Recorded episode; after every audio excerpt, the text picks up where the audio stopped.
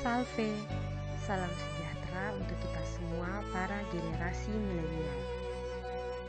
Izinkan saya membacakan sebuah renungan tentang perayaan Rabu Abu bagi generasi milenial. Seperti yang kita tahu, perayaan Rabu Abu tahun ini sangatlah berbeda dari tahun-tahun sebelumnya.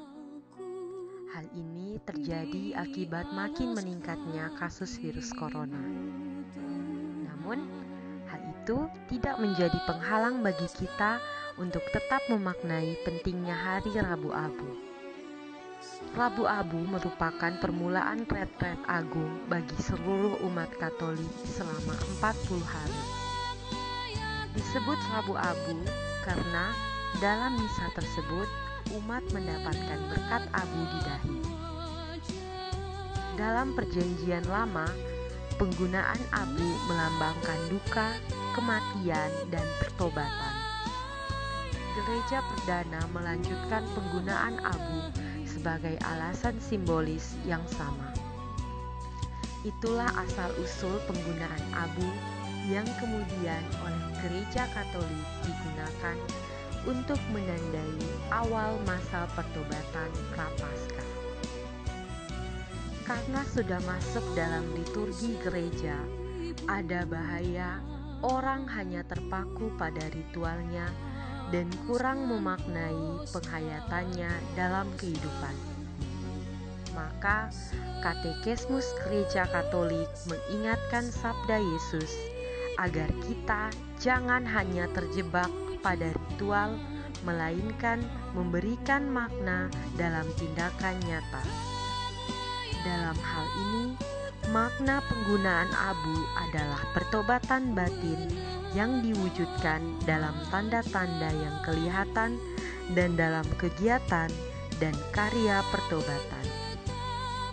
Sesungguhnya, abu yang dioleskan di dahi merupakan tanda pertobatan hati agar kita menyadari betapa rapuhnya kita dan betapa pentingnya mengandalkan hidup pada kerahiman Allah. Maka, ketika imam, suster, atau prodiakon mengoleskan abu pada dahi kita, mereka mengucapkan, "Ingatlah, engkau berasal dari debu dan akan kembali ke debu," atau bertobatlah dan percayalah kepada Injil. Dengan kata-kata ini, kita diingatkan bahwa manusia diciptakan dari debu tanah dan akan kembali ke tanah.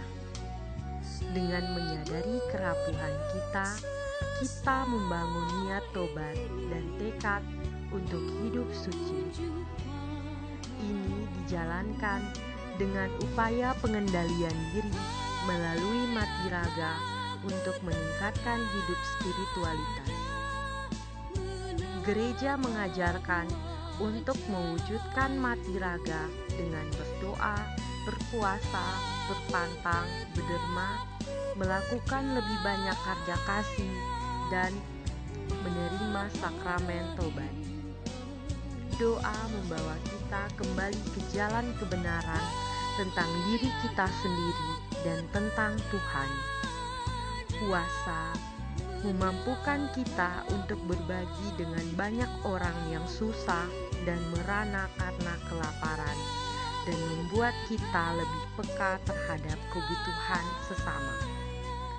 Amal kasih merupakan kesempatan penuh berkat untuk bekerja sama dalam penyelenggaraan ilahi sedangkan pertobatan terjadi dalam kehidupan sehari-hari melalui sikap yang ramah, penuh perdamaian, mau mengakui kesalahan dan meminta maaf, memberi teguran yang membangun, mengurangi amarah, mengontrol perkataan, tabah dalam penderitaan, dan mendoakan orang yang membenci kita.